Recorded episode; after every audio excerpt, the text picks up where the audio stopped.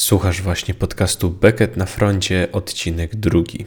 Dzisiaj moim gościem jest Konrad Gadzina, z którym porozmawiam o tym, dlaczego game dev jest taki pociągający. Więc zaczynajmy.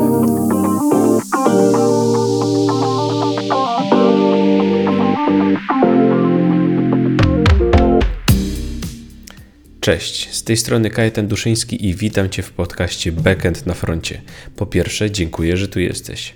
Podcast Backend na froncie to miejsce, w którym spotykam się z ciekawymi postaciami związanymi z dotnetem i programowaniem po to, aby dostarczyć Ci trochę zabawy i masę wiedzy, ale przede wszystkim, żeby dać Ci szersze spojrzenie na możliwości, jakie daje platforma od Microsoftu.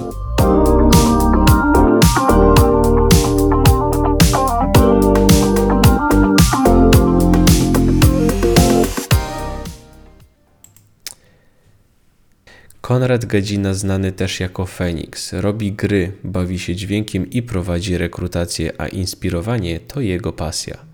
Pełnił rolę programisty, team lidera i produkt ownera w firmie tworzącej gry. Był mentorem w rocznych kursach programowania, które pomagały w przebranżowieniu się. Od roku prowadzi inicjatywę Make Games Today, w której nie tylko uczy programowania od podstaw, ale też wprowadza zainteresowanych w tajniki game devu. W grudniu 2020 roku zapoczątkował wyzwanie Grydzień, w którym przez miesiąc codziennie tworzył nową grę na żywo. Od niedawna prowadzi wywiady o nazwie O piątej nad graniem, w której zaprasza osoby związane z branżą gier do rozmowy na jej temat. Nie wiem jak dla Ciebie, ale dla mnie to idealna osoba do przepytania na temat gier tworzonych w dotnecie. Pamiętaj, że wszystkie notatki, linki i materiały związane z tym odcinkiem znajdziesz na stronie szkoła.neta.pl ukośnik BNF myślnik 1. BNF jak backend na froncie. A teraz przejdźmy do rozmowy. Cześć Konrad, bardzo mi miło, że przyjąłeś moje zaproszenie. Tak jak wcześniej już e, parę razy rozmawialiśmy, ja sobie sam dzisiaj przemyślałem, kiedy nasze drogi się w ogóle zeszły i ile czasu minęło od tego, kiedy się poznaliśmy, ile razy już próbowaliśmy się spotkać na różnych platformach, ale w końcu, w końcu nam się udało. Także bardzo Ci dziękuję że, za to, że przyjąłeś moje zaproszenie i mam nadzieję, że bardzo ciekawą rozmowę dzisiaj przeprowadzimy. No, myślę, że będzie spoko. Ja dziękuję za zaproszenie i tak jak mówiłem wcześniej, mam nadzieję, że y, uda mi się wejść w rolę gościa i nie zacznę ja Tobie zadawać pytań, biorąc pod uwagę, że sam ostatnio więcej pytam niż, e, niż odpowiadam. W razie czego wyjdzie nam bardzo ciekawa rozmowa, to na pewno. Dobra, zaczynajmy w takim razie i na początek takie krótkie pytanie na rozgrzewkę. Powiedz mi, jaką ostatnio przeczytałeś książkę, albo jaki obejrzałeś serial, albo film? Co mógłbyś polecić? Mm, myślę, że dwie książki. Jedno co to e, najbardziej, że tak powiem, świeże, to Zaczynaj od dlaczego e, Simona Sinka. E, genialna książka i jeżeli ktoś, kto tego słucha, nie czytał, czy nie słuchał audiobooka, czy whatever, jakkolwiek ktoś lubi pochłaniać książki, to bardzo polecam, bo fajnie mm, pozwala tak trochę przestawić myślenie i tak zrozumieć, co jest takiego w tych wyjątkowych ludziach, którzy byli wyjątkowymi liderami, e, rozpoczynali wielkie rzeczy. I tak naprawdę podstawą było to, że oni mieli jasno określone dlaczego i żyli spójnie z tym i ich firma była budowana spójnie z tym. Genialne, bardzo, e, bardzo polecam. E, byłby, mógłbym bardzo długo gadać o tej książce, więc nie będę wchodził w to. A druga, to tak z totalnie innej beczki, to Trzej Muszkieterowie.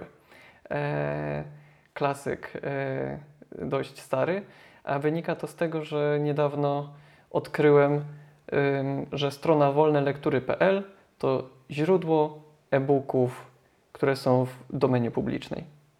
Czyli można właśnie na przykład Trzech Muszkieterów albo E, tako rzeczy Zaratustra, albo e, obronę Sokratesa, albo no, mnóstwo rzeczy. I w przyszłym roku też będzie na przykład rok 1984 Orwella, bo teraz robią tłumaczenie, bo od tego roku jest właśnie w domenie publicznej. Bardzo polecam. E, sam się spędziłem cały dzień przeszukując tę stronę i szukając czegoś, co mnie zaciekawi. No i parę takich, parę dziesiąt, myślę, że książek wylądowało na moim czytniku. Więc Wow, jeżeli super. czytasz czy, na czytniku na przykład, to, to, to polecam. No nie znałem tej strony, to w takim razie będę musiał, będę musiał sobie przejrzeć. Em, No i dobra, no to w takim razie, skoro sam, sam o tym zacząłeś, to dlaczego zainteresowałeś się game devem? Em, To jest ciekawe pytanie, bo nawet mm, niedawno eh, u siebie na kanale opowiadałem historię swoją, tak jak znalazłem się w game devie. Mm, I myślę, że u mnie to była taka składowa różnych rzeczy, bo e, ja zająłem się game devem od strony programowania. No to jest branża, w której po prostu jest miejsce dla bardzo wielu specjalistów z różnych dziedzin. Czy to artystyczne, czy, czy kwestia tworzenia jakiejś fabuły, czy z jakiś, nie wiem, copyright, czy programiści właśnie. Am, no i ja zacząłem od tego, że pracowałem jako programista i poza tym lubiłem gry. I myślę, że to jest kilka elementów. Jeden element to to, że bardzo, ale to bardzo lubię rozwiązywać problemy. Em, że tak powiem, ja czasami o sobie samemu mówię, że jestem taki MacGyver type of guy. W sensie e, dla mnie bardzo często, jeżeli jestem w dobrym nastroju, to nie ma problemów, są wyzwania i ja z przyjemnością po prostu spędzę dużo czasu, żeby coś z e, tym zrobić. I samo programowanie dla mnie było właśnie takim wejściem w to, nie? że wiesz, pracuję, rozwiązuję problemy i jeszcze ułatwiam komuś życie e, programując. A, a game dev mnie też zachwycił w jakiś sposób przez to, że mm, nie wiem, właśnie taka dynamika tego i różnorodność i to, że wiesz, opowiadanie historii, wpływanie też czasem na czyjeś życie w taki artystyczny sposób. E, wiesz, przekazywanie czegoś, pokazywanie czegoś. E, gry też fajnie działają edukacyjnie, to znaczy tak rozwojowo. Nie mówię o wiesz, grach tylko dla dzieci, ale wiesz, zwykłe gry, w które możesz grać, em, możesz tak dobrze się bawić, że nawet nie zauważysz, że się rozwijasz. E, więc myślę, że to jest taka mm, wiesz, składowa różnych, e, różnych elementów, które gdzieś tak em, z czasem się dobudowywały do siebie, że tak to, to ujmę. Pewnie, super, ale w ogóle fajnie, bo tak zacząłeś mówić o tym, że lubisz, lubiłeś grać. No i wydaje mi się, że przynajmniej 95% programistów pewnie zostało programistami ze względu na to, że lubiło, lubiło grać, a kiedyś to był jakiś taki, no powiedzmy, no nie, nie można było, nie, nie mówiło się o tym, że można zostać gamerem i można z Mhm. tego robić pieniądze, więc siedząc przy komputerze można było zostać ewentualnie programistą, co już nie było takie y, super sexy jak, jak zostanie gamerem, no ale no coś trzeba, z, czegoś trzeba y, utrzymać potem rodzinę i siebie. E, natomiast y, fajnie, że fajnie, że pociągnąłeś ten, ten temat tak naprawdę i, i poszedłeś w te gry, no bo jednak, jednak to cały czas jest nisza, nisza w Polsce, prawda? To nie jest coś, co jest y, super em, popularne, nie ma dużo game developerów, em, nie ma dużo e, firm, które zajmują się tworzeniem gier. E, Natomiast jeżeli już są takie firmy, to y, czy wiesz, czy one pomagają się realizować, pomagają w tym, żeby się kształcić dalej w tym kierunku? Czy są jakieś w ogóle studia związane z game devem? Mhm, to em, zanim odpowiem na w sumie dwa pytania, które tutaj padły tak połączone, to jeszcze anegdotka, w sensie taka rozkminka, którą miałem kilka lat temu, e, nawiązując do tego, że programiści, którzy, że wiele osób, które zostało programistami, no, lubiło grać, to e, po paru latach pracy jako programista stwierdziłem, że już rozumiem, dlaczego tak wielu programistów to osoby, które lubią fantazy, jakieś, wiesz, Dungeons and Dragons, czy inne takie rzeczy. No bo czasami, jak patrzysz na kod, no to po prostu jest magia. I, i staw sobie odpowiednie słowo przed magię, e, w zależności od Twojego nastroju. E, no, więc to taki.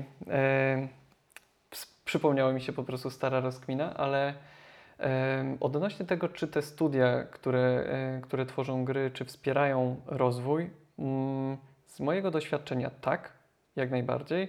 I to na bardzo różnych poziomach to może się dziać. Z jednej strony są konferencje, które mm, są związane z tworzeniem gier. Teraz aktualnie mamy głównie konferencje online. No ale wcześniej e, jedną z takich e, ważnych konferencji w Polsce było Digital Dragons w Krakowie.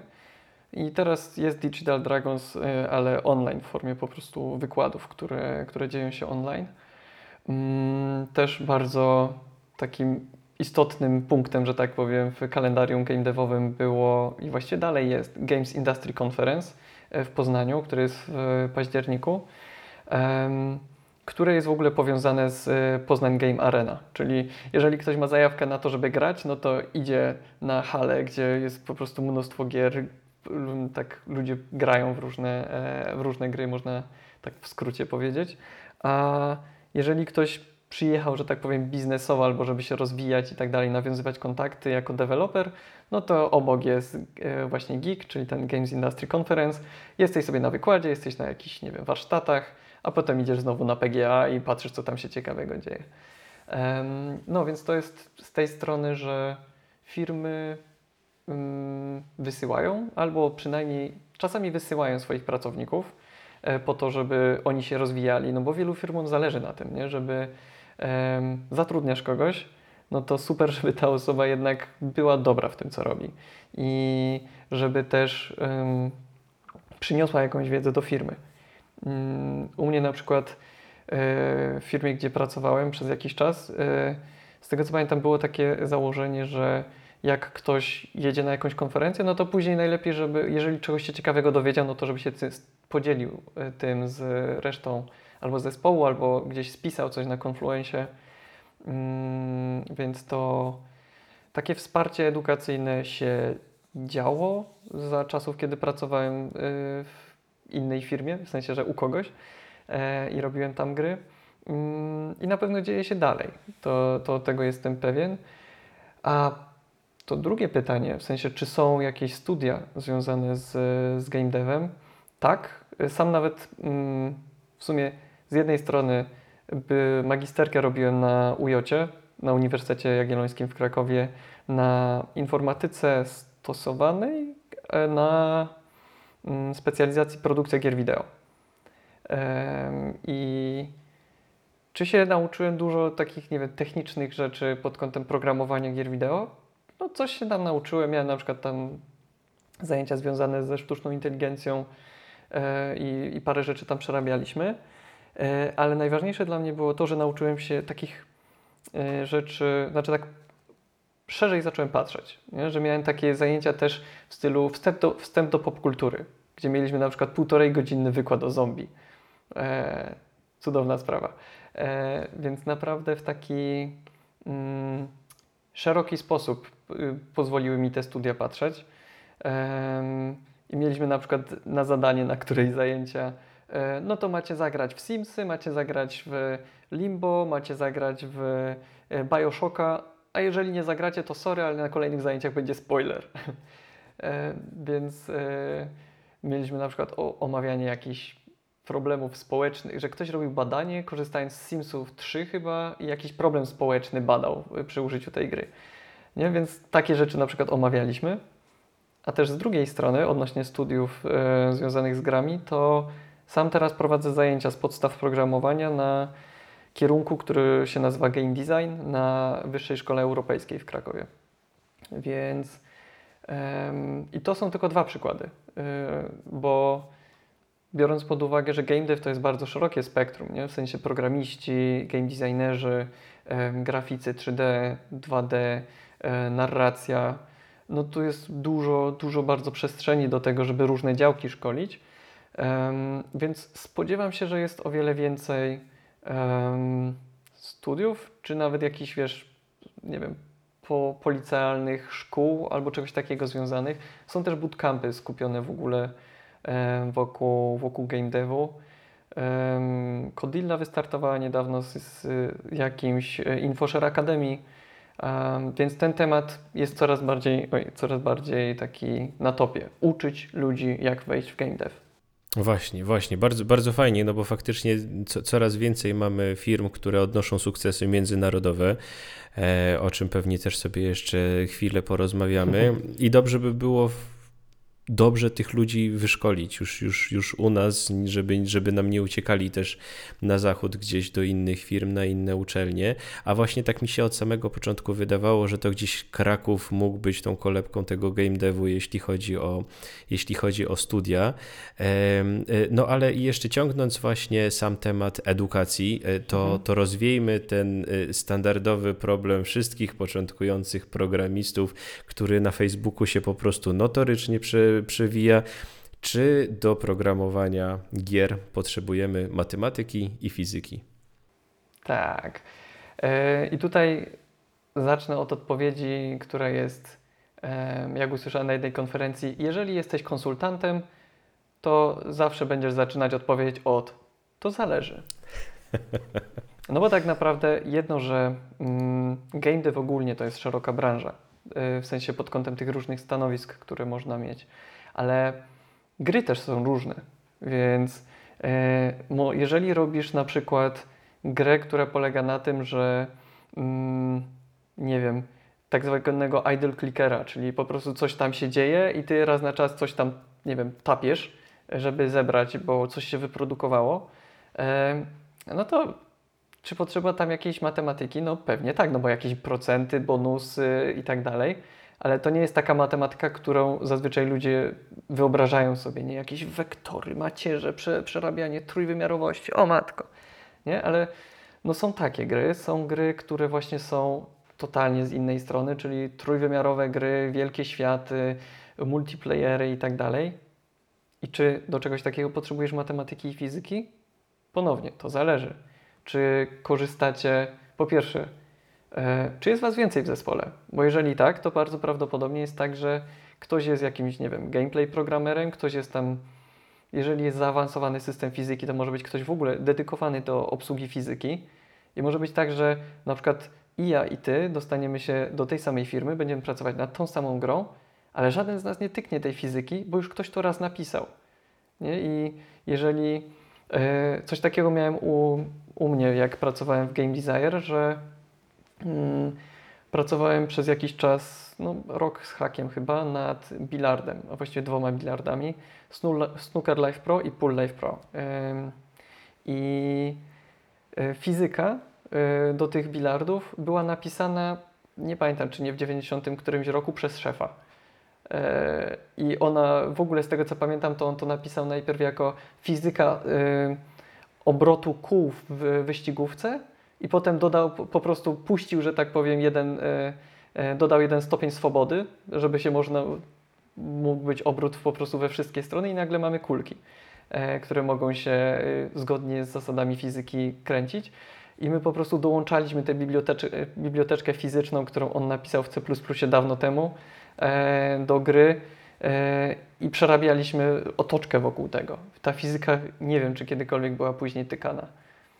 Więc y, to bardzo właśnie zależy od tego, co dokładnie masz robić w tej, przy tej grze. Jakie, I też, czy na przykład korzystasz z jakiegoś silnika, czy jak dużo ten silnik robi za ciebie. E, bo jeżeli korzystasz z silnika, to bardzo możliwe, że podstawową na przykład fizykę, czy matematykę wektorową jakąś masz zaimplementowaną i po prostu wywołujesz funkcję która ci robi, nie wiem, e, e, iloczyn wektorowy i ty nie musisz myśleć, co to jest iloczyn wektorowy, tylko kiedy go użyć. Więc to zależy. Tak okay. podsumowując. Okej, okay, okej, okay. no ale właśnie, jak, jak, jak już zacząłeś o tych, o tych silnikach, no bo to jest, to jest bardzo ciekawe, no bo z, z jednej strony mamy, mamy możliwość napisania oczywiście wszystkiego samemu, od samego początku, a absolutnie każdy element fizyki, każdy element poruszania się i wszystko, co, co możemy sobie wymyślić, natomiast mamy gotowe silniki, mamy kilka silników na pewno y, dużych, które są e, wykorzystywane przy olbrzymich produkcjach i w związku z czym czy w ogóle nieużywanie silnika ma dzisiaj sens? Wiesz, to zależy. zacznę odpowiedź. No właśnie. e, więc e, drodzy słuchacze, przepraszam, ale każda e, odpowiedź będzie się pewnie zaczynać od to zależy. E, no bo cóż, zależy jaki jest Twój cel podstawowe to jest pytanie, bo to jest też to e, coś, co e, u mnie na Discordzie się pojawia e, związanym z moim kanałem, że ktoś na przykład ma ambicje na to, żeby stworzyć swój silnik. I, i, się, I pyta, czy to ma sens. No to ja pytam, ale co chcesz osiągnąć? Czy chcesz nauczyć się robić silnik? Jeżeli tak, no to nie robiąc silnika prawdopodobnie się tego nie nauczysz, więc to może mieć sens. Czy chcesz wypuścić szybko swoją grę? To nie ma sensu. No bo jeżeli nie masz pojęcia o tym, jak pisać silniki, to musisz dużo energii i czasu poświęcić na to, żeby nauczyć się, nie na przykład przejrzeć kod y, silników, które są dostępne, bo y, kod niektórych silników można po prostu sobie przejrzeć na GitHubie na przykład y, i można się coś z tego uczyć. no ale silnik to jest bardzo. Zależy, co chcesz robić, nie? ale jeżeli chcesz robić silnik do na przykład, nie wiem, trójwymiarowych gier, no to masz renderer, który musi obsługiwać trójwymiarowość. Pewnie będziesz chcieć zaimplementować sobie jakąś fizykę. Um, może jeszcze jakieś połączenie z siecią, bo chcesz robić na przykład online multiplayery, um, FPS czy whatever. No i dużo roboty. Dużo się przy tym potencjalnie nauczysz, ale cóż, możliwe, że nigdy nie dowieziesz żadnej gry. Nie? Więc jeżeli chcesz osiągnąć to, żeby wypuścić swoją pierwszą grę, no to ja bym szedł w to, żeby wykorzystać jakiś silnik. I najwyżej później zrobić kolejną grę, coraz ambitniejszą, zobaczyć też jak korzystasz z jakiegoś silnika, to możesz zobaczyć z czego się fajnie korzysta, czy to podejście ma sens, e, czy zrobiłbym coś totalnie inaczej, czy w ogóle ten język, y, z którego korzystam, nie? Na przykład czy w C++ powinno się dać pisać w moim silniku, czy w C Sharpie, czy może skryptowanie w Lua, czy w Pythonie. Nie? Więc jak poznasz kilka silników, to wtedy też może być Ci łatwiej coś swojego robić. Potencjalnie. Okej, okay, okej. Okay. A jakie mamy właśnie takie największe silniki do wyboru w tej chwili? E, I żeby i, i które, które polecasz użyć i zaraz jeszcze zawężę Ci troszeczkę e, odpowiedź. E, jakie w ogóle te silniki mają ograniczenia? I załóżmy, że chcemy pójść naprawdę na grubo i, i zrobić e, drugiego Wiedźmina. Mhm. Otwarty świat, 3D, interakcja z NPC-ami, być może z jakiś multiplayer i tego typu rzeczy. Naprawdę idziemy na bogato, więc co byś, co byś proponował? Mm, może odpowiedź wyjątkowo nie od, to zależy, tylko od tego, że mm, sam do tego typu gier nie robiłem, więc to ważne, żeby cokolwiek teraz powiem brać, yy, brać przez ten pryzmat, ale mm, patrząc z perspektywy takiego industry standard, powiedzmy, yy, to jeżeli jakaś firma E, robi tego typu gry, to zazwyczaj już ma coś swojego. W sensie od, od, od tego bym zaczął, że Redzi, w sensie CD Projekt Red, mają swój Red Engine, który e, no, może bazuje na czymś aktualnie. Wiem, że pierwszy Wiedźmin chyba powstawał na modyfikowanym silniku Neverwintera, tak mi się wydaje. W sensie Neverwinter Nights. E, ale nie, wydaje mi się, że tak, ale jeżeli ktoś chce, to polecam teraz sprawdzić. Um, ale E, jak wygląda teraz Red Engine? Nie mam pojęcia, ale 11-bit mm, e, też polska firma, e, twórcy Frostpunka, twórcy This War of Mine. Oni też mają swój silnik, z tego co kojarzę. Frostbite chyba się nazywa, ale mniejsza. Więc takie większe firmy zazwyczaj robią swój silnik, bo tak przejdę teraz do Twojego pytania o ograniczenia. Mm, podstawowym ograniczeniem silnika jakiegoś takiego mm, ogólnego użycia jest to, że jest ogólnego użycia. Czyli zazwyczaj nie rozwiązuje idealnie problemów, które masz w tej jednej grze.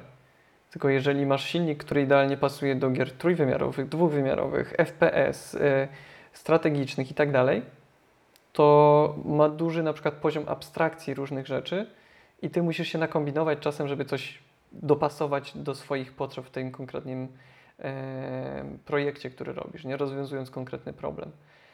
Mm, więc to tak e, powiedzmy słowem wstępu odnośnie silników. I przechodzę już do konkretów, co można wybierać i, i kiedy, by, kiedy, można, kiedy z czego skorzystać. E, to takimi dwoma powiedzmy standardowymi e, opcjami, które padają na początku, no to jest Unreal Engine e, i Unity. To są dwie takie rzeczy, które padną na większości, em, w większości tematów, jeżeli ktoś zapyta, jaki silnik wybrać. Mm, Trzeci silnik, który też się coraz częściej pojawia, to jest Godot. Am, zastanawiam się, czy coś jeszcze takiego mm, większego. Aktualnie nie kojarzę nic takiego większego. Silników ogólnie jest od groma.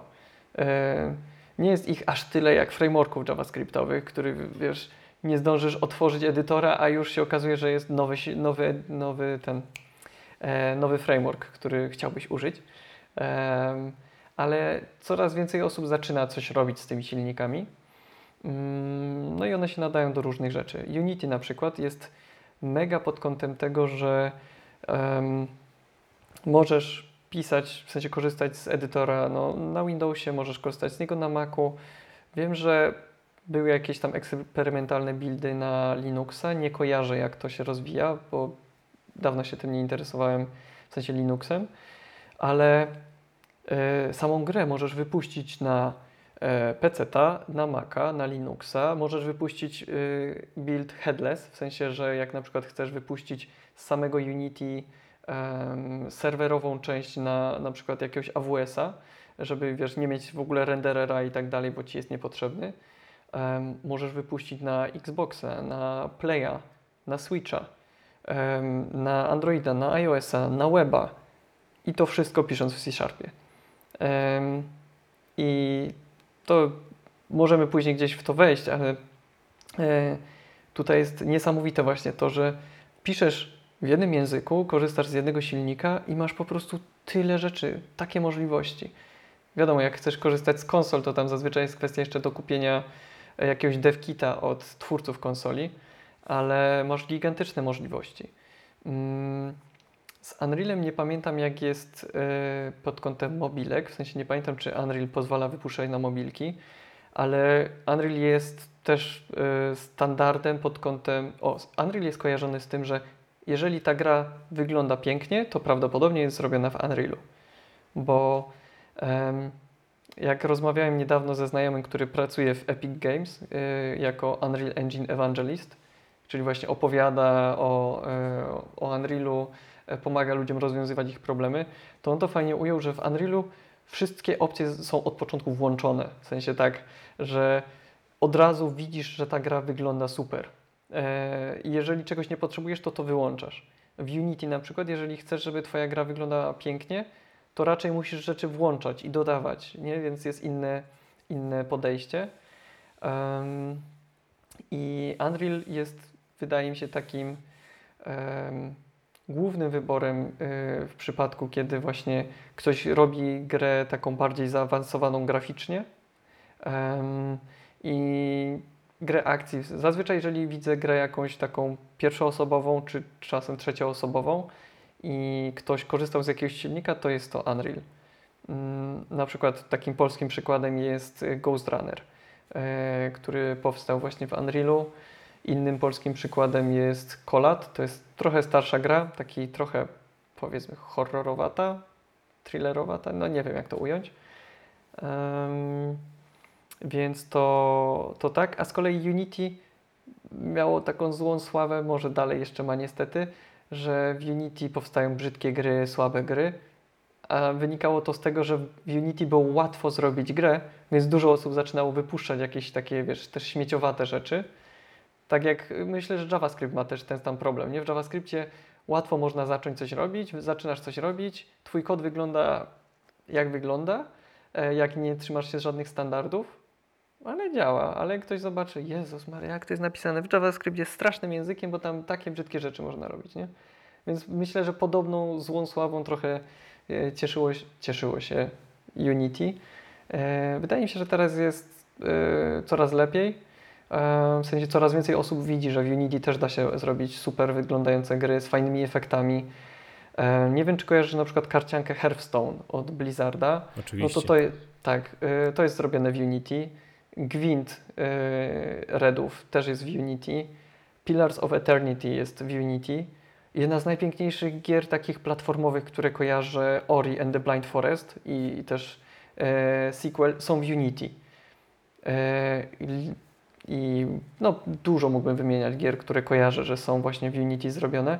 Więc jeżeli ktoś chce, to jest w stanie zrobić grę, która ma mega fajne wizualnie efekty em, i nawet nie pomyślisz o tym, że to jest w tym silniku, który wiele osób uważało kiedyś, że, że tam powstają takie eh, mech, brzydkie gry, nie?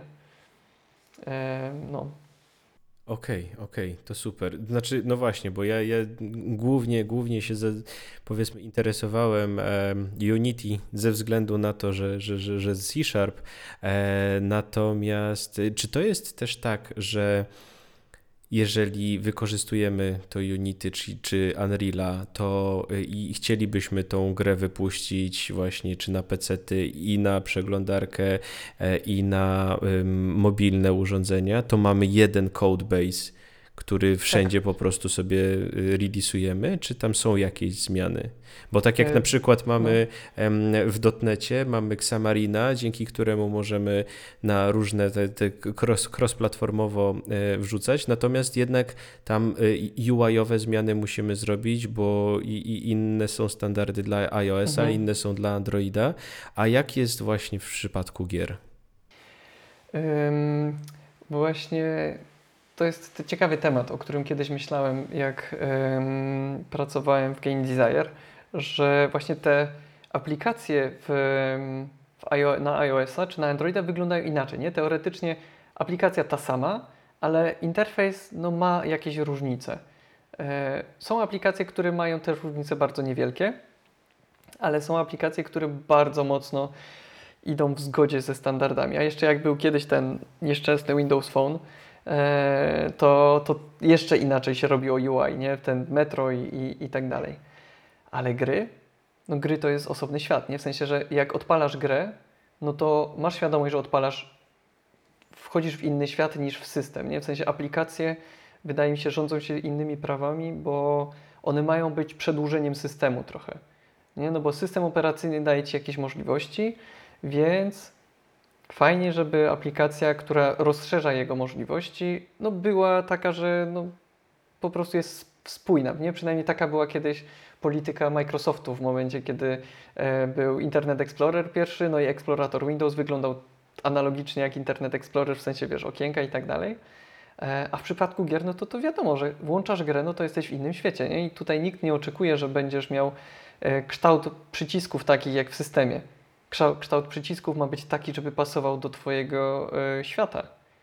Nie? Więc jeżeli robisz grę, która jest fantazy, no to jakby mi ktoś strzelił po prostu prostokątne przyciski jakieś w stylu Metro UI, no to bym stwierdził, ej, co ty robisz, nie? W ogóle groteskę mi tu jakąś po prostu wplatasz. Takie dziwne połączenie. Nie? Więc to pod kątem interfejsu wydaje mi się gry mają łatwiej, nie? Że mm, wiadomo, tutaj na przykład masz przycisk fizyczny back, a na, na iOSie nie masz, znaczy fizyczny albo przynajmniej na dole na Androidzie po prostu systemowy na ekranie. E, Więc takie drobne rzeczy po prostu trzeba brać pod uwagę E, i my musieliśmy uwzględniać to, że na iOSie ktoś nie może cofnąć ekranu po prostu klikając strzałkę na e, ekranie Androida, więc musieliśmy uwzględniać, że jest przycisk po prostu do cofnięcia. Nie? Więc takie rzeczy trzeba brać pod uwagę, ale poza tym interfejsowo, przynajmniej z tego jak ja widziałem, to gry między tymi różnymi platformami raczej się nie różnią. Eee, ale różnią się, w sensie mogą się różnić i to jest takie męcząca różnica. Em, Jeżeli korzystasz z takich natywnych rzeczy, to jest głównie temat mobilek, czyli e, in-appy, w sensie płatności, e, mikrotransakcje, e, reklamy, no reklamy mniej, ale mikrotransakcje, jakieś korzystanie z kont, które są wbudowane, w sensie są, wiesz, zalogowany jesteś kontem Google'a, kontem Apple'a, Facebookiem, to trzeba też zagadać jakoś do, do API, które ci to udostępnia. I tutaj można wpaść w piekiełko tego, że na jednym urządzeniu ci działa, na innym urządzeniu ci nie działa, nie budujesz. E, żeby budować na Maca, no to potrzebujesz, ma- w sensie budować na iOS-a potrzebujesz Maca, e, nie? Więc to troszeczkę komplikuje. Więc co do zasady, większość rzeczy się nie zmienia, w sensie gameplayowo, UI-owo raczej rzeczy są takie same, ale takie natywne rzeczy, y, na przykład właśnie na mobilkach trzeba e, obsługiwać osobnymi e, tam bibliotekami, które sobie albo sam piszesz, albo dociągasz, e, kupujesz, albo ściągasz za darmo z jakichś tam asset storów związanych z silnikiem. Okej, okej. Właśnie e, a, a, propos, a propos tego wyglądu, to pamiętam, że to chyba przede wszystkim nawet nie, nie Microsoft, a przede wszystkim Apple e, bardzo restrykcyjnie do tych swoich aplikacji podchodziło i za każdym razem, jak ktoś chciał wypuścić jakąś aplikację, to tam była dodatkowa weryfikacja, czy, czy ten interfejs jest zgodny z tym, jak, jak ten system powinien wyglądać i bardzo, bardzo dużo aplikacji się na tym e, Mhm. Wy, wy, wyłapywało i, i, i było cofanych niestety z tego e, sklepu i, i było, ale, ale widać było, że ta weryfikacja była taka totalnie manualna, Mhm. bo nawet do, dostawali deweloperzy maila po prostu, co konkretnie pop, poprawić w którym miejscu, żeby, żeby w końcu przeszło. No i, i mam jeszcze jedno, to y, pytanie takie zgłoszone właściwie od moich widzów już. Znowu związane troszeczkę y, z tym, jakbyśmy ten kod napisali w grach. E, I, I jeśli chodzi o drugą część tego pytania, to się spodziewam odpowiedzi. Natomiast nie wiem, jak będzie w pierwszej. To znaczy, jakie wzorce architektoniczne stosowane są w game devie i jak często gry mierzą się ze spaghetti code. Możesz zacząć szybko od tej drugiej części. Em, od tej drugiej części zaczynając, y, to zależy.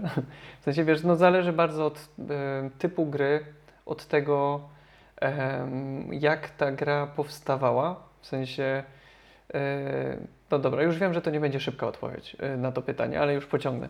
E, bo mm, taki fajny przykład. Znam dwie osoby, które pracowały w dwóch różnych firmach, e, e, gdzie mieli taką sytuację, że przyszli do, e, do pracy, no i dostali informację, że dobra, no tam macie, mm, jest jakiś prototyp do zrobienia, gdzie założenie było takie, że prototyp polegał na tym, żeby sprawdzić mechaniki, czy wiesz, czy one będą fajnie śmigać, czy to się będzie generalnie fajnie sklejało, ale założenie było takie, macie zrobić ten prototyp, macie to zrobić szybko, a potem wyrzucamy ten prototyp, w sensie nie bazujemy na nim, tylko wiedząc już jak to działa, możecie napisać to ładnie, od, od zera, od początku. No bo wiesz, jeżeli wiesz, że masz napisać tylko, em, z, jakby to powiedzieć, taką zajawkę, jak będzie działać gra, no to możesz nie do końca ładnie pisać kod, nie myśleć o tym, że będziesz go rozwijał, no bo nie będziesz go rozwijać, nie? Po prostu on sobie umrze za chwilę. On ma być tylko takim, e, wiesz, wzorcem, który sobie stawiasz obok siebie i patrzysz, aha, dobra, to działało, to robimy to tutaj tak, tylko już ładnie, tak żeby się dało to rozbudować. Problem był taki, że w obu tych przypadkach e, informacja z góry poszła, aha, fajnie, ten prototyp w sumie działa, to wiecie co, jedziemy z tematem, rozwijajcie to, nie? A oni później tak, "Aaa, chyba was coś.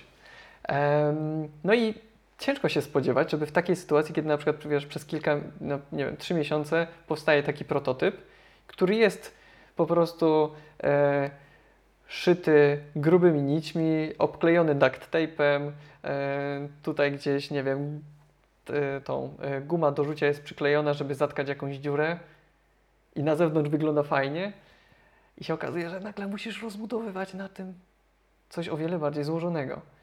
Nie, no to, no to w takich sytuacjach po prostu jest e, piekiełko u, rozwoju, e, no bo dostajesz kod, który po prostu nie był przewidziany na to, żeby u, być utrzymywanym.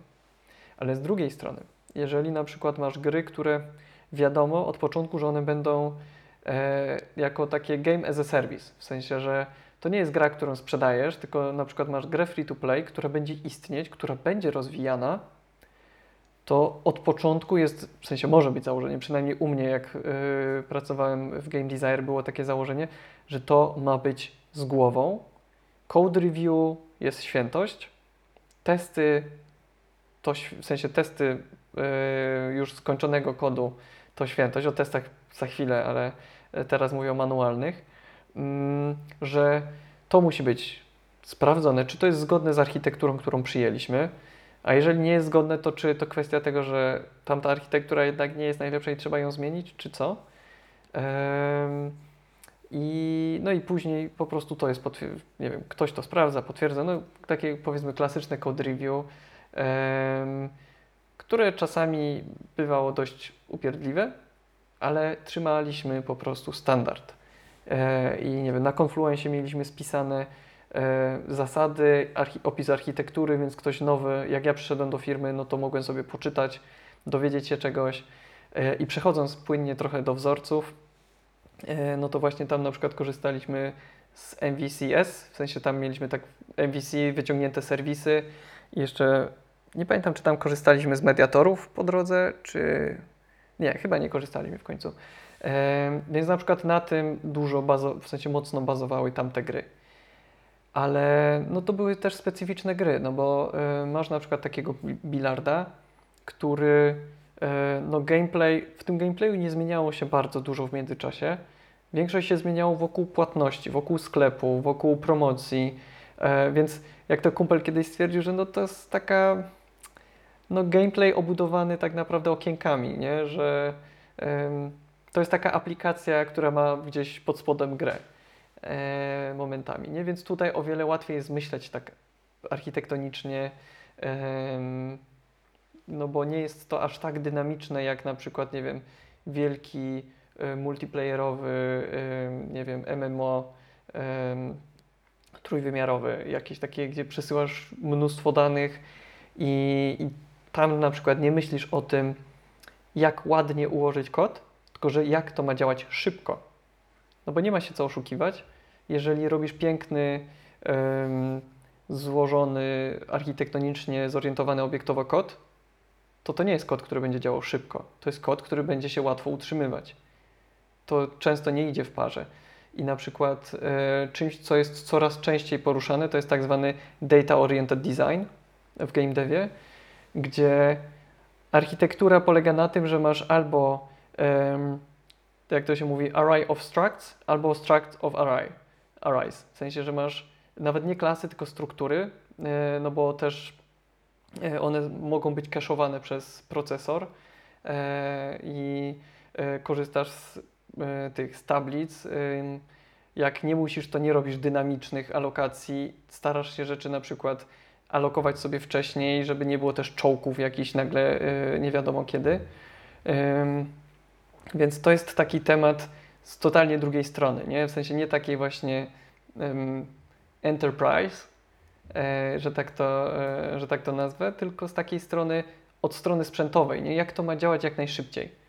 Żeby to działało szybko, to zazwyczaj te rozwiązania enterprise w ogóle są pff, do kosza, bo one po prostu są fajną bajką, e, którą ktoś nam opowiedział w, da, dawno temu, że tak, to pozwala nam fajnie zamodelować świat, ale to nie jest problem, który my rozwiązujemy. My mamy rozwiązać problem, jak dobrze na tej architekturze, na przykład na tym PC, na tej konsolce, jak to zrobić, żeby to szybko działało.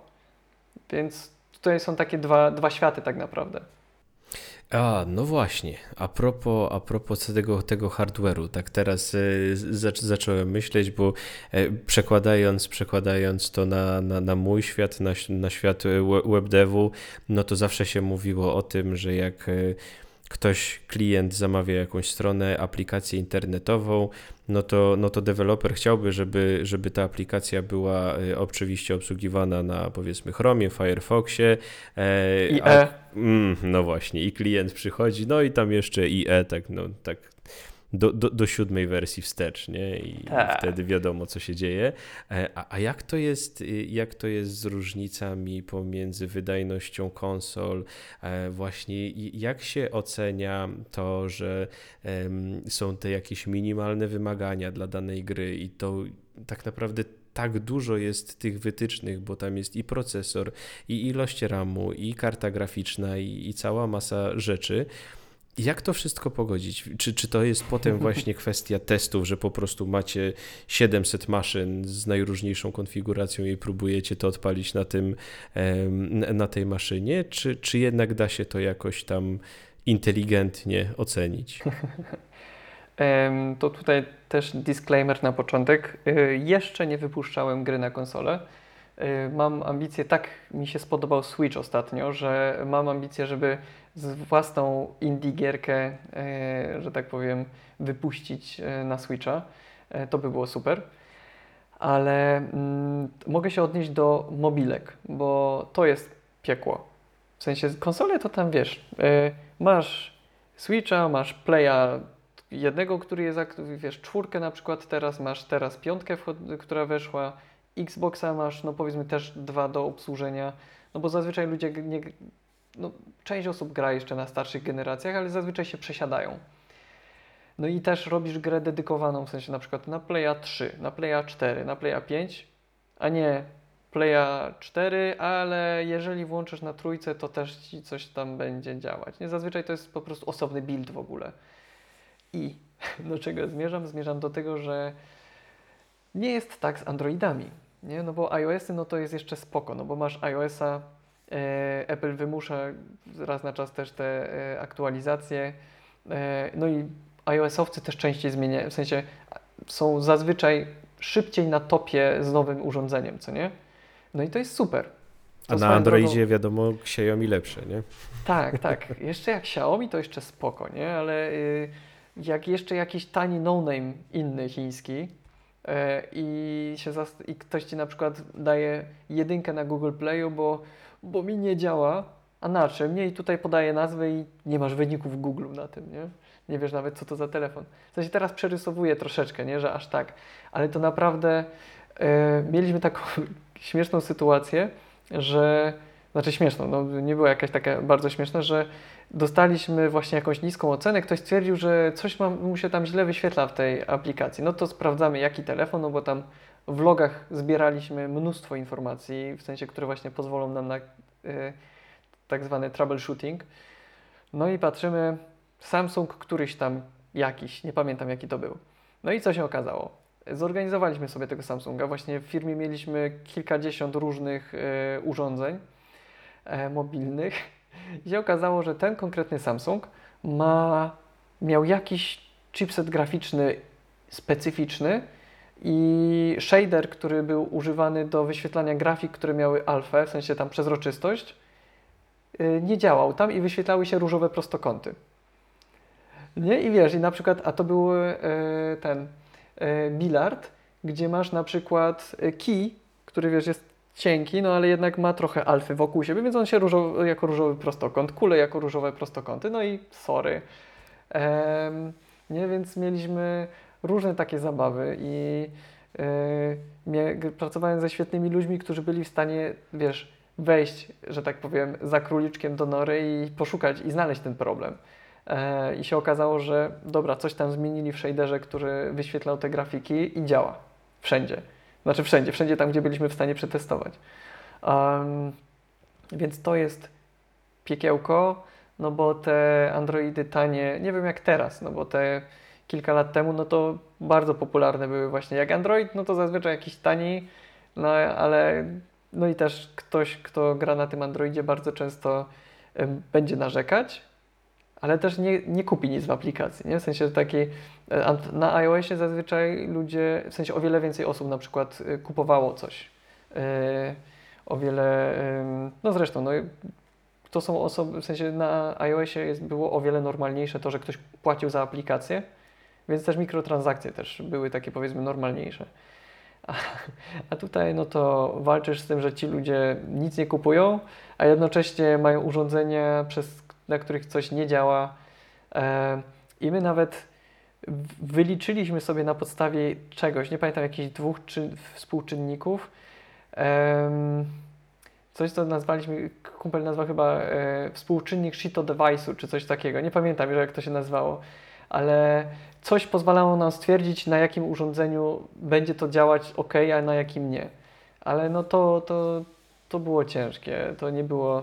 A jeszcze to, że na Androidach, wiesz, masz e, tu współczynnik 16 na 9, tu współczynnik 16 na 10, a tu masz Samsunga, który ma zaokrąglone, zaokrąglone na przykład krawędzie, nie? I, i rób grę na to.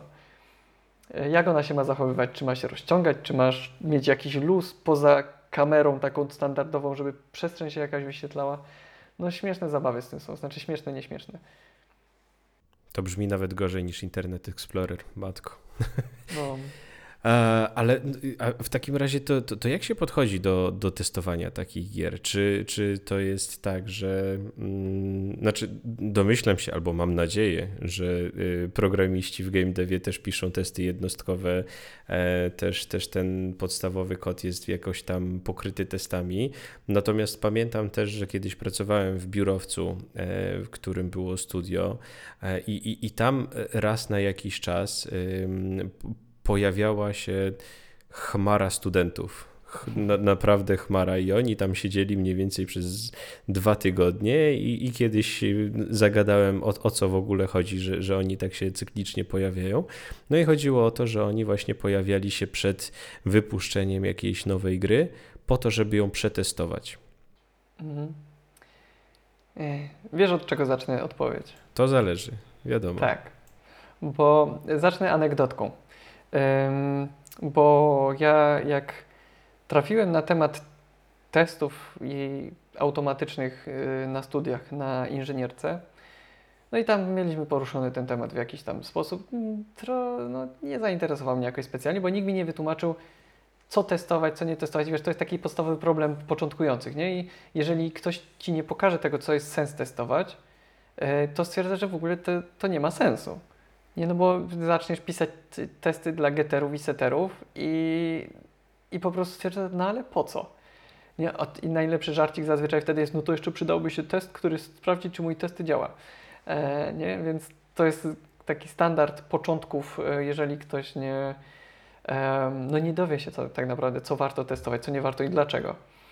Więc tym małym wstępem zmierzam do tego, że potem gdzieś zmieniałem pracę, bo pracowałem już od początku studiów jak zmieniałem pracę tak po 3-3,5 roku, kończąc e, inżynierkę, to przeglądałem oferty pracy różne i znalazłem, tam trafiłem na e, BDD, Behavior Driven Development. I zacząłem sobie czytać o tym. Patrzę, wow, to jest jeszcze lepsze niż testowanie jednostkowe, nie po prostu scenariusze. I, I tak właśnie to do mnie przemówiło, takie patrzenie z perspektywy użytkownika, nie? automatyzacja scenariuszy i to jeszcze pod spodem że tak powiem, zaopiekowane różne e, przypadki testami jednostkowymi i w ogóle cacy. No i za, nakręciłem się na to. E, inżynierkę zrobiłem wokół tego, w sensie zmieniłem sobie temat pod to, żeby skupić się na, na właśnie na behavior driven development. Magisterkę jak robiłem, to robiłem jakiś framework do robienia karcianek, który który nie było żadnej gry konkretnej zaimplementowanej na tym, ale były scenariusze właśnie z, z SpecFlow, e, bo w C-Sharpie to robiłem, które na przykład y, pokazywały, że da się, dałoby się zrobić na tym na przykład Macao, dałoby się na przykład zrobić takiego Hearthstone'a, w sensie pod kątem mechanik i reakcji różnych kart na siebie.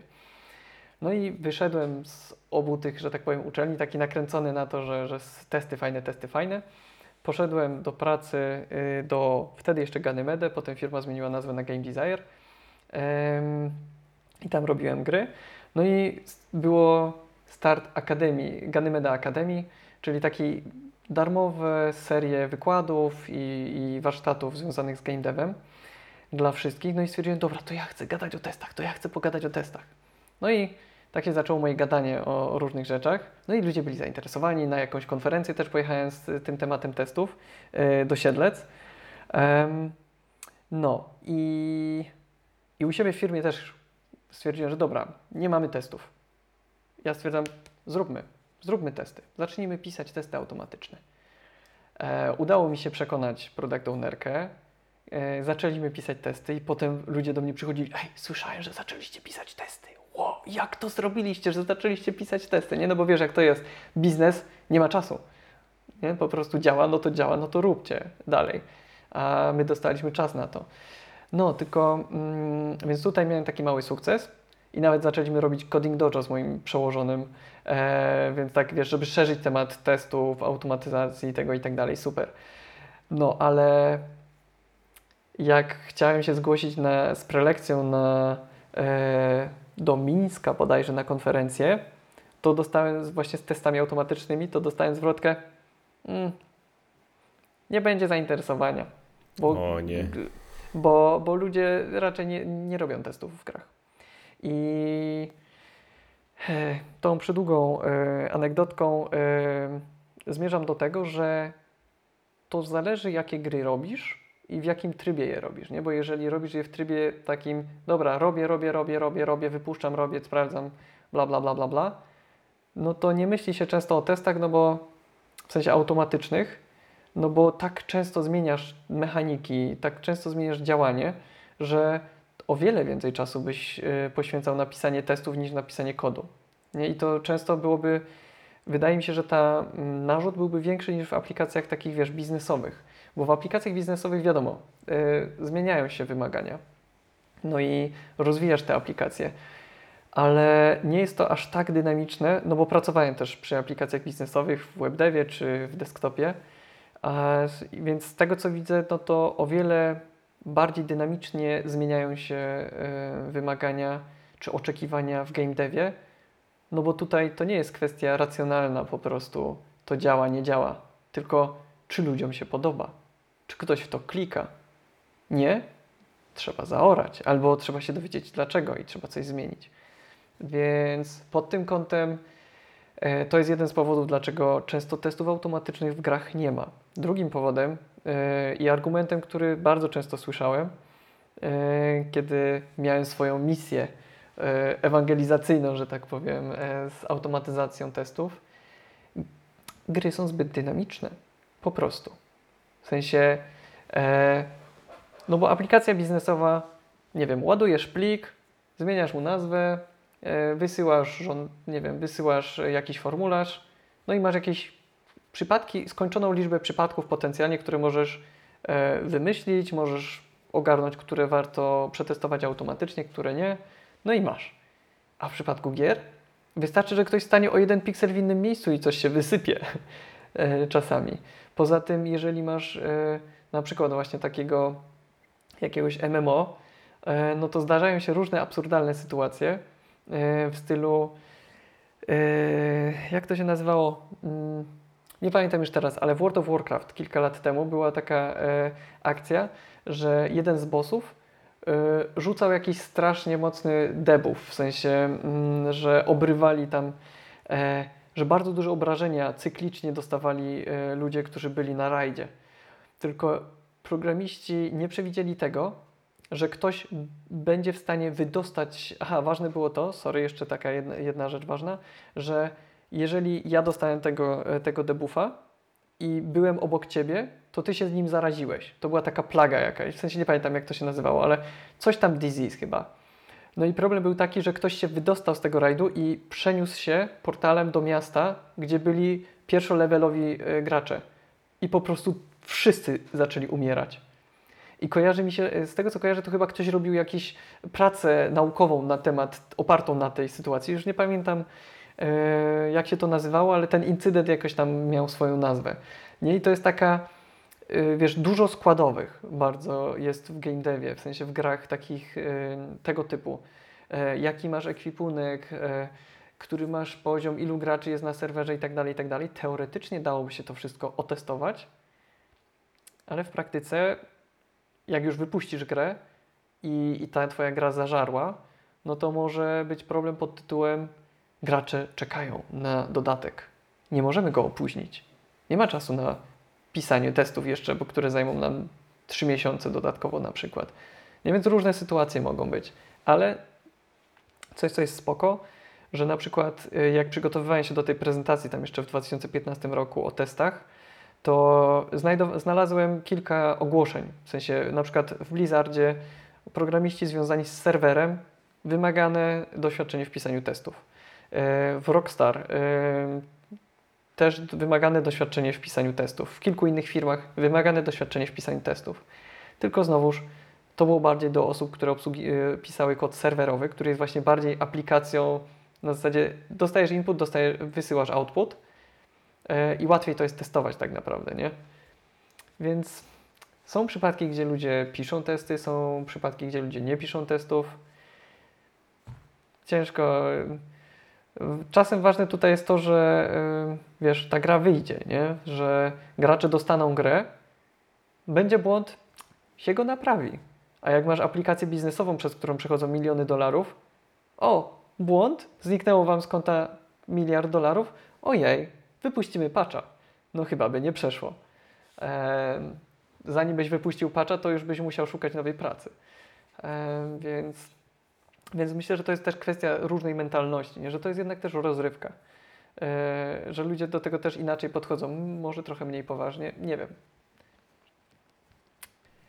Ciężko Takim- powiedzieć. Ciężko Tak, powiedzieć, tak, tak. aczkolwiek no właśnie cały czas jak, jak, jak, jak Ciebie słuchałem, to cały czas miałem wrażenie, że, że jednak właśnie skoro nie wiesz, co, co się wydarzy ten jeden piksel, piksel dalej, no to teoretycznie test powinien to wiedzieć, powinien No jakoś tam to e, o, ogarnąć. I tu jest fajny temat, który, ym, który ja często poruszałem, jak właśnie uczyłem ludzi robienia testów automatycznych. Jeżeli zaczynasz się od tego, że mówisz, że nie, no to ciężko to przetestować, nie wiem co przetestować, to znaczy, że nie wiesz co robisz. A no właśnie. Jak nie wiesz co przetestować. I to jest ym, w aplikacji biznesowej bardziej powiedziałbym, że to jest problem. W przypadku gier trochę można by to nazwać problemem, ale z drugiej strony to jest bardzo kreatywna działka, nie? W sensie przy kreatywności, kiedy czasem po prostu eksperymentujesz, ciężko przewidzieć, co dokładnie zadziała, co będzie fajnie współgrać ze sobą. I jeżeli by jeszcze w taką, wiesz, pętlę developmentu wpleść y, każdorazowe pisanie i aktualizowanie testów, to większość gier, które mielibyśmy grać, no one by po prostu nie wyszły. Bo, bo, bo co chwilę by coś się znajdowało, a tak to one przynajmniej wychodzą i ktoś coś dopisuje. No, czy to jest idealne rozwiązanie? No cóż. Sytuacja przynajmniej jednej bardzo znanej gry pokazuje, że czasem warto podejść inaczej może, nie wiem. No właśnie, już tak od kilku minut, jak mówisz o tych testach, o tej popkulturze, o tym wszystkim, to no, obydwoje musieliśmy się spodziewać, do czego ta rozmowa Tak. będzie prowadziła. E, musimy, musimy porozmawiać w tym odcinku. O, oczywiście czysto teoretycznie, bo y, żaden z nas pewnie nie był nawet blisko e, deweloperów em, z Redów. E, Natomiast co się wydarzyło z Cyberpunkiem? Co, co tam się zadziało? Bo gra, która przez tyle lat budowała swój hype, przez tyle lat była. Nie, znaczy, no właśnie, czy ona była przez tyle lat tworzona i nadal nie została dociągnięta, czy ona nie była tworzona przez tyle lat i coś tam na, na, na samym końcu próbowali sklecić? No bo wiadomo, że E, Tutaj jakby cała ta e, nasza rozmowa gdzieś tam wokół tego tematu można dużo rzeczy wyciągnąć, bo, bo tak jak Mhm. powiedziałeś, że gry są wypuszczane na konkretną konsolę, mamy ekskluzy- ekskluzywy. No Redzi chcieli oczywiście jak zwykle pójść na grubo e, i, i chcieli może trochę za duży kawałek tortu y, sobie ukroić i, i, i- i za, za bardzo chcieli poszaleć. I czy to było tylko i wyłącznie problem biznesowy, czy jednak myślisz, że to mógł być też problem e, deweloperów? Mm, Znowu zacząłbym od takiego disclaimera, że jeżeli ktoś e, tego słucha, to cokolwiek teraz padnie właśnie w trakcie naszej dyskusji e, z Kajetanem odnośnie tego, to, to będzie gdybanie. Nie? I takie właśnie myślenie, nie mamy pojęcia, co się wydarzyło. I zacząłbym od tego, że jest mi strasznie żal deweloperów. W sensie, zanim odpowiem, bo e, wiesz, jakieś pogróżki, które nie wiem, czy kojarzysz sytuację, że właśnie, że ludzie dostawali pogróżki, em, no to po prostu jest masakra. Nie? Wyobraź sobie, poświęcasz na coś kilka lat, jarasz się tym, albo się stresujesz, albo jarasz się i stresujesz na, na zmianę, masz, nie wiem, e, raz dobry nastrój, raz kiepski nastrój, raz tak przerysowuję i wymyślam teraz, raz jest tak, że wracasz do domu o punkt, nie wiem, punkt 16 wychodzisz z pracy, a czasem jest tak, że punkt 16 tydzień później wychodzisz z pracy, e, no to, to masakra jest, nie? Że wiesz, wypuszczasz coś, na co ludzie czekali i masz świadomość w ogóle, że to jest, myślę, że też ciężkie, że ci ludzie potencjalnie mieli świadomość tego, w sensie twórcy, że część rzeczy nie jest dopiętych, że na przykład na, mm, na tych najnowszych ne- next genach tak zwanych, w sensie na nowym Xboxie i nowym Playu, że to po prostu nie działa dobrze. E, na tyle, że Redzi wycofali z tego, z PS Store'a e, grę, z tego co pamiętam. No to wyobraź sobie ten stres i nagle się okazuje, że jeszcze po prostu fala nienawiści spływa. I, i to jest dla mnie strasznie przykre i chciałbym właśnie... Z, zacząłem od tego, żebyśmy... Mm, ktokolwiek ma jakieś zdanie, żeby się zastanowić po prostu nad tym, nad tymi ludźmi, którzy, którzy pracowali nad tym, nie? że oni nie zrobili tego celowo, żeby, żebyś ty sobie nie mógł pograć na przykład. Nie? No to było bardzo złożony proces, który e, mógł być zrobiony lepiej, pewnie tak, e, bo jednak firma nie jest od dzisiaj w branży, e, no ale no, nie poszło, nie? więc tak, taki wstęp przydługi, e, trochę może moralizatorski, no ale tak odpowiadając na pytanie, co tam mogło się wydarzyć, czy to był problem biznesowy, czy deweloperski też. Dobry temat jest to, od czego zacząłeś, nie? Czy ta gra była robiona przez tyle lat? Tego nie wiem. Ale kojarząc różne inne przypadki, to możliwe, że nie.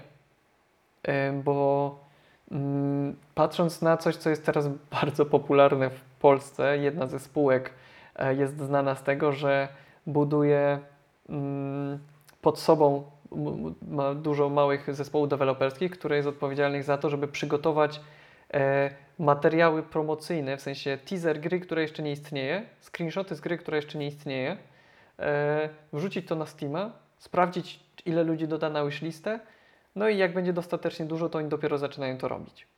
Nie? A ty myślisz, że te kilkadziesiąt gier, które tam sobie dodałeś do listy, one już są w jakiejś fazie developmentu? Nie, prawdopodobnie to jest tylko animacja to, co jest przedstawione jako gameplay. Nie, więc patrząc na to, że mm, no jest to niestety jakaś taka popularna praktyka aktualnie, to jest duże prawdopodobieństwo, że w momencie, kiedy pierwszy raz był, był pierwszy teaser y, Cyberpunka, to ani linijki kodu jeszcze nie powstało. Y, I możliwe, że na przykład przez kolejne dwa lata na przykład jeszcze nic nie powstało ale z drugiej strony możliwe, że nie powstał kod, ale na przykład architektonicznie sobie to rozkminiali, działali, myśleli, no nie wiem. I teraz do mnie dotarła jedna rzecz, którą chyba źle powiedziałem wcześniej odnośnie Xboxa i Playa, że to na, na next genach dobrze działało, a na tych starszych właśnie źle. E, więc bez sensu to powiedziałem wcześniej. No, e, więc jest prawdopodobieństwo, że to nie powstawało od razu, ale tego nie wiemy. E, trzeba by o to zapytać kogoś, kto pracował. Prawdopodobnie nie ma prawa tego powiedzieć, bo NDA i, i, i tak dalej, a i tak mają dość problemów. Nie jeszcze nie wiem, czy kojarzysz, że był włam, nie? Tak, że tam tak. wykradli, wykradli dane i kod. Więc tu można dużo, mm, dużo rzeczy kminić. Jedno, co mi się wydaje bardzo prawdopodobne, bo kojarzę to chyba z Wiedźmina, albo chyba z Wiedźmina Trójki, y, że mm, nagle de de deweloperzy dowiedzieli się, że marketing wymyślił, żeby reklamować, jaki genialny system włosów tam jest w tej grze. I trzeba ten system dodać, bo już zostało to zamarketingowane, nie? W sensie, że taka kolejność była. E, że tego jeszcze nie było i zostało to zareklamowane jako super rzecz, więc oni musieli to dopinać.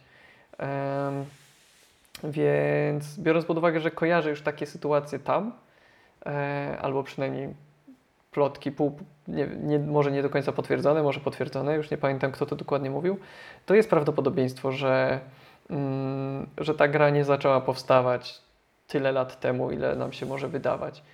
E, z drugiej strony, no też nie wiadomo, jakie dokładnie były roszady tam, nie? No bo Y, to, że ktoś zaczął robić tę grę na przykład w 2013 roku, może być tak, że połowa zespołu na przykład się zwolniła, bo im coś nie pasowało.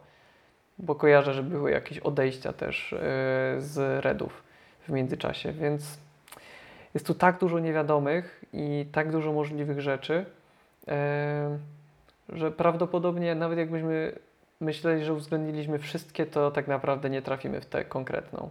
A jakie jest Twoje zdanie? To też mnie ciekawi.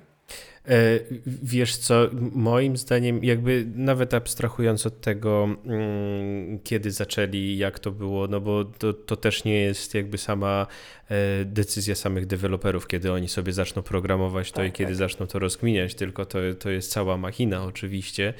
E, moim zdaniem jednak tutaj trochę ten marketing, trochę to biznesowo po prostu nie zagrało, bo y, to, to samo, co, sam, co, co na samym początku powiedziałeś, mam jedną osobę w rodzinie, która pracuje albo pracowała bardzo blisko siedziby e, Redów e, i, i opowiadał mi kiedyś, e, jak tworzyli Wiedźmina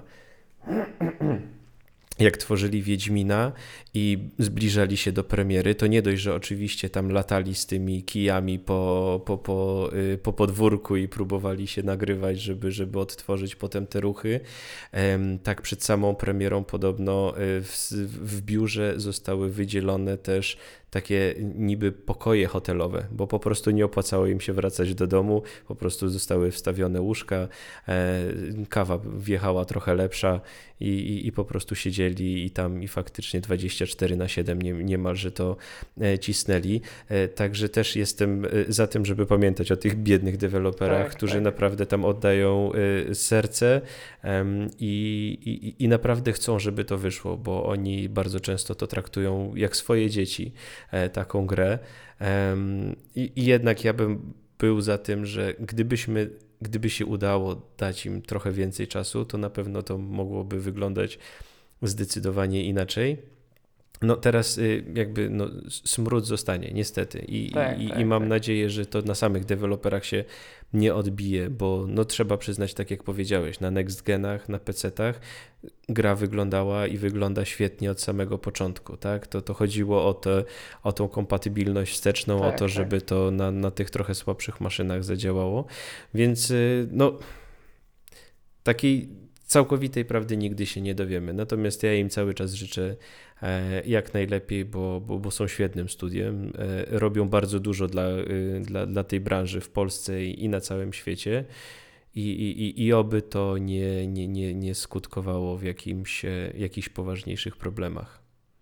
Mam tutaj anegdotkę co do tego, że mówisz właśnie, że dużo robią dla, dla E, że generalnie robią dużo, powiedzmy też dla branży. W ogóle to, że Polska tak istnieje w świadomości graczy mocniej jako Polska, to jest bardzo dużo, bardzo mocno e, zasługa Redów. E, oczywiście to nie jest jedyne studio i nie jest pierwsze studio, które tworzyło gry, które były grane e, na, na zachodzie, jak to mówiąc, ale generalnie poza granicami Polski. No bo wcześniej no, było Metropolis, które nie wiem, robiło na przykład Gorki 17, taka stara gra turowa. Pamiętam. Tak, tak. Ja planuję sobie niedługo powtórzyć, bo no, ciekawy klimat i e, no, oni robili na przykład właśnie też kilka innych gier, tak nie wchodząc już w szczegóły. E, były też inne e, Topware bodajże też. E, no generalnie było parę gier, które istniały gdzieś w świadomości graczy poza Polską, ale wydaje mi się, że to, że mm, gra została stworzona przez Polaków, tak zostało mocno zaznaczone bardzo w Wiedźminie, no bo to też jest na po podstawie e, książek polskich. E, taki slawik, że tak powiem, klimat tutaj e, też jest mocny, e, no bo taki świat po prostu e, słowiański. Więc tutaj, no i mitologia w ogóle, nie? Tak właśnie to, że Sapkowski wciąg wciągnął tutaj e, różne potwory mitologiczne z takiej mitologii e, słowiańskiej. Myślę, że to mocno też jeszcze utrwaliło to, że Polska, Słowianie i, i tak dalej, że ta gra jest właśnie stąd. I śmieszna historyjka, to w 2016 Mm, czyli rok po, po premierze Wiedźmina, z tego co, tak, chyba w 2015 miał premierę Wiedźmin 3, to w 2016 y, jechałem stopem, y, y, wracałem z Chorwacji i zatrzymaliśmy na Słowenii jakiegoś gościa, no i oczywiście gadka szmatka, tam 100 km mieliśmy jechać. Czym się zajmujemy? No ja mówię, no pracuję, ten, robię gry. O, gry, gry, gry, Wiedźmin, Wiedźmin, tak, grałem Wiedźmina, super, Polska, tak, jest, super. Ja myślę, fajnie, no sorry, nie pracowałem przy Wiedźminie, ale naprawdę gość był tak podjarany i mówi, że super, mega, fajny, fajna historia, fajny świat, mega gra, cudowny um, i tak dalej, nie? Więc pod tym kątem to mega, mega pozytywne i no i myślę, że też radzi wielu osobom pokazali, że Polak potrafi, nie? w sensie takie e, klasyczne, po prostu to, to klasyczne Polak potrafi na zasadzie tego, ej, my możemy być rozpoznawani na świecie jako game developerzy. Też tak chcę. Yy, więc to jest fajne, ale yy, przyszedł mi do głowy temat, tak sam powiedzmy dorzucę temat bez pytania troszeczkę. Yy, problem, problem, który jest, w, wydaje mi się, w game devie, to jest właśnie to, że ludzie tu pracują, bo chcą robić gry. Nie dlatego, że chcą zarabiać pieniądze. I dlatego czasami zarabiają mniej niż y, w innych miejscach. E, znaczy jedno, że to jest rozrywka i wiadomo, tak też inaczej inne kwoty przechodzą przez, e, przez te gry niż przez, przez aplikacje biznesowe często, ale e, zazwyczaj no, znajdzie się po prostu ktoś, kto będzie chciał pracować za odpowiednio niską kwotę, bo to są gry. Nie? Więc to, to wydaje mi się jest taki trochę E, problem, że to jest też taka zajawka, nie? że takie marzenie. Spełniasz marzenie, mogę zarabiać trochę mniej. Zresztą sam tak zrobiłem. Miałem dwie oferty, jedną, no nie pamiętam, 2000 więcej nawet chyba mogłem dostać, plus jakieś akcje czy coś takiego. Ale stwierdziłem, ja chcę robić gry. I poszedłem robić gry. Ym, więc no to jest decyzja, którą wiele osób podejmuje i i to niestety wpływa też na to, że ludzie, wyobraź sobie ludzi w tysiące osób, na przykład pracujące nad, nie wiem, aplikacją bankową, które siedzą miesiąc na przykład po prostu jak w hotelu w, w firmie.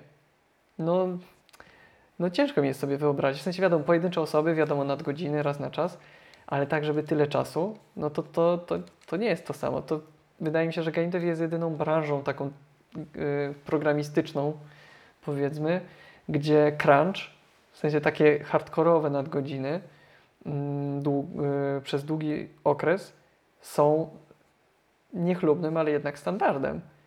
Są nawet firmy, w których słyszałem, że jest pojęcie crunch food, w sensie, że po prostu firma ma budżet przeznaczony na kupowanie pizzy czy czegoś takiego na właśnie przedpremierowe rzeczy.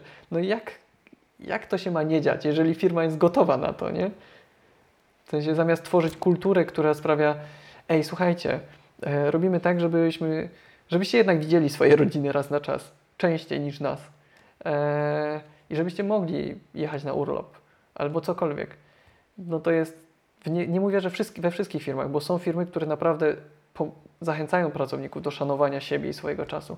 No ale są firmy, które są gotowe na to, żebyś, o, nadgodziny, mamy na to budżet. No więc no to nam się zrobiło e, hmm, głęboko e, i, tak. No ale właśnie, to może, to może w takim razie utnijmy, bo ma, mam wrażenie, tak. że, że Konrad z tobą moglibyśmy rozmawiać jeszcze przez północy, a, a, a, już, a już nie jest super wcześnie i mam wrażenie, że jeszcze się spotkamy. Mam wrażenie, że jeszcze się spotkamy, bo jeszcze całą masę tematów nie poruszyliśmy. Natomiast właśnie, zostawmy to e, w takim miejscu e, do przemyślenia, bo na pewno game dev mhm. jest bardzo ciekawą ścieżką rozwoju. E, jest właśnie, tak jak, tak jak mówisz, bardzo zajawkową ścieżką rozwoju rozwoju, gdzieś, gdzie pasja może mieć kluczowe znaczenie. Natomiast jeszcze, i mam nadzieję, że będzie się to zmieniało, jeszcze jest to właśnie taka branża, która z jednej strony wciąż raczkuje w Polsce, wciąż nie jest bardzo na topie, wciąż jest niszowa e, i przez to e, no, umówmy się, te nadgodziny takie e, standardowe to wśród programistów takich biznesowych też kiedyś miały miejsce, natomiast gdzieś to zostało zwalczone, e, gdzieś to zostało troszkę zmienione, ten stereotyp odszedł, a tutaj jakby wciąż pozostaje, więc y, drodzy pracodawcy, pamiętajmy, że y, game developerzy to też ludzie e, i, i, i, dajmy, dajmy im trochę czasu y, swobodnego, bo też człowiek, który będzie wypoczęty, zawsze będzie bardziej kreatywny, będzie tworzył lepszy kod e, i, i będzie jeszcze lepiej, lepiej spełniał te oczekiwania które są przed nim stawiane. Także dziękuję Ci bardzo, Konrad, za rozmowę. I jeszcze na sam koniec powiedzmy, gdzie możemy Cię znaleźć w internecie, bo mam, mam wrażenie, że kilka osób może do Ciebie trafić po tej, po tej rozmowie, bo, bo jednak ludzie z olbrzymią pasją są w cenie e, w internecie. Także opowiedz trochę, bo wiadomo, że znajdziemy Cię na Facebooku. E, o tym już wspominałem. Tworzysz inicjatywę Make Games Today. Oczywiście domyślam się, że znajdziemy Cię na LinkedInie, ale gdzie gdzie jeszcze? Um, myślę, że aktualnie najczęściej mnie można spotkać na YouTubie. Um, to jest aktualnie moje główne miejsce urzędowania um, internetowe. Mm, na kanale Make Games Today właśnie, gdzie aktualnie od marca tak co tydzień rozmawiam, rozmawiam z kimś na żywo. Cudowna sprawa. Zapraszam co tydzień we wtorek o 17. Um, I to jest główne miejsce, miejsce, w którym kiedyś często bywałem, czasem coś wrzucając, czasem nie, to Twitter, bo game dev, taki indie game dev żyje na Twitterze, w sensie dużo można ludzi poznać, dużo z takiej inspiracji złapać, e, więc na Twitterze też mnie e, można znaleźć. Ym, na Patronajcie mnie można znaleźć i zachęcam do znalezienia mnie na Patronajcie, e, żeby wspierać te inicjatywy, które robię. Mm, na Instagramie teoretycznie jestem, ale wciąż jakoś zapominam o tym Instagramie.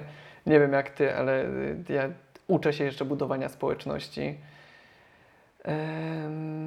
I na Discordzie. Mam Discorda e, związanego z kanałem. E, makegames.today discord. Tak można trafić i dowiadywać się i o odcinkach, o rozmowach, które będę prowadził i podrzucać pytania przed rozmowami też.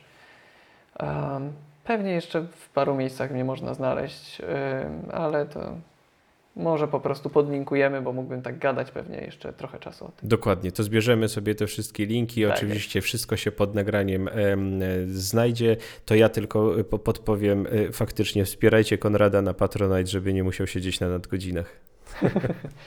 Dokładnie. Dobra, dziękuję Ci Konrad bardzo. Miłego wieczoru i do zobaczenia. Dzięki również, do zobaczenia i idźcie robić gry. Wow, jaka to była petarda. Mam nadzieję, że dzisiejszy odcinek przypadł Ci do gustu. Będę super wdzięczny, jeśli podzielisz się swoimi przemyśleniami na YouTube, jeśli właśnie mnie oglądasz, albo w mailu wysłanym na adres kajetanmałpa.szkoła.neta.pl. Pamiętaj, że podcast Backend na froncie jest wypuszczany co drugi wtorek o godzinie 11, więc spokojnie możesz zapisać sobie to jako wydarzenie w kalendarzu, ale zdecydowanie prościej będzie, jeśli zasubskrybujesz go w iTunes, Spotify, Spotify, YouTube czy gdziekolwiek właśnie mnie słuchasz. Dodatkowo będę super wdzięczny, jeśli zechcesz wystawić mi ocenę w katalogu iTunes. Zachęcam również do śledzenia innych moich poczynań w sieci poprzez obserwowanie fanpage'a szkoła.neta na Facebooku, a także profilu Kajetan Duszyński na Instagramie. A teraz już się z Tobą żegnam i słyszymy się za dwa tygodnie. Cześć!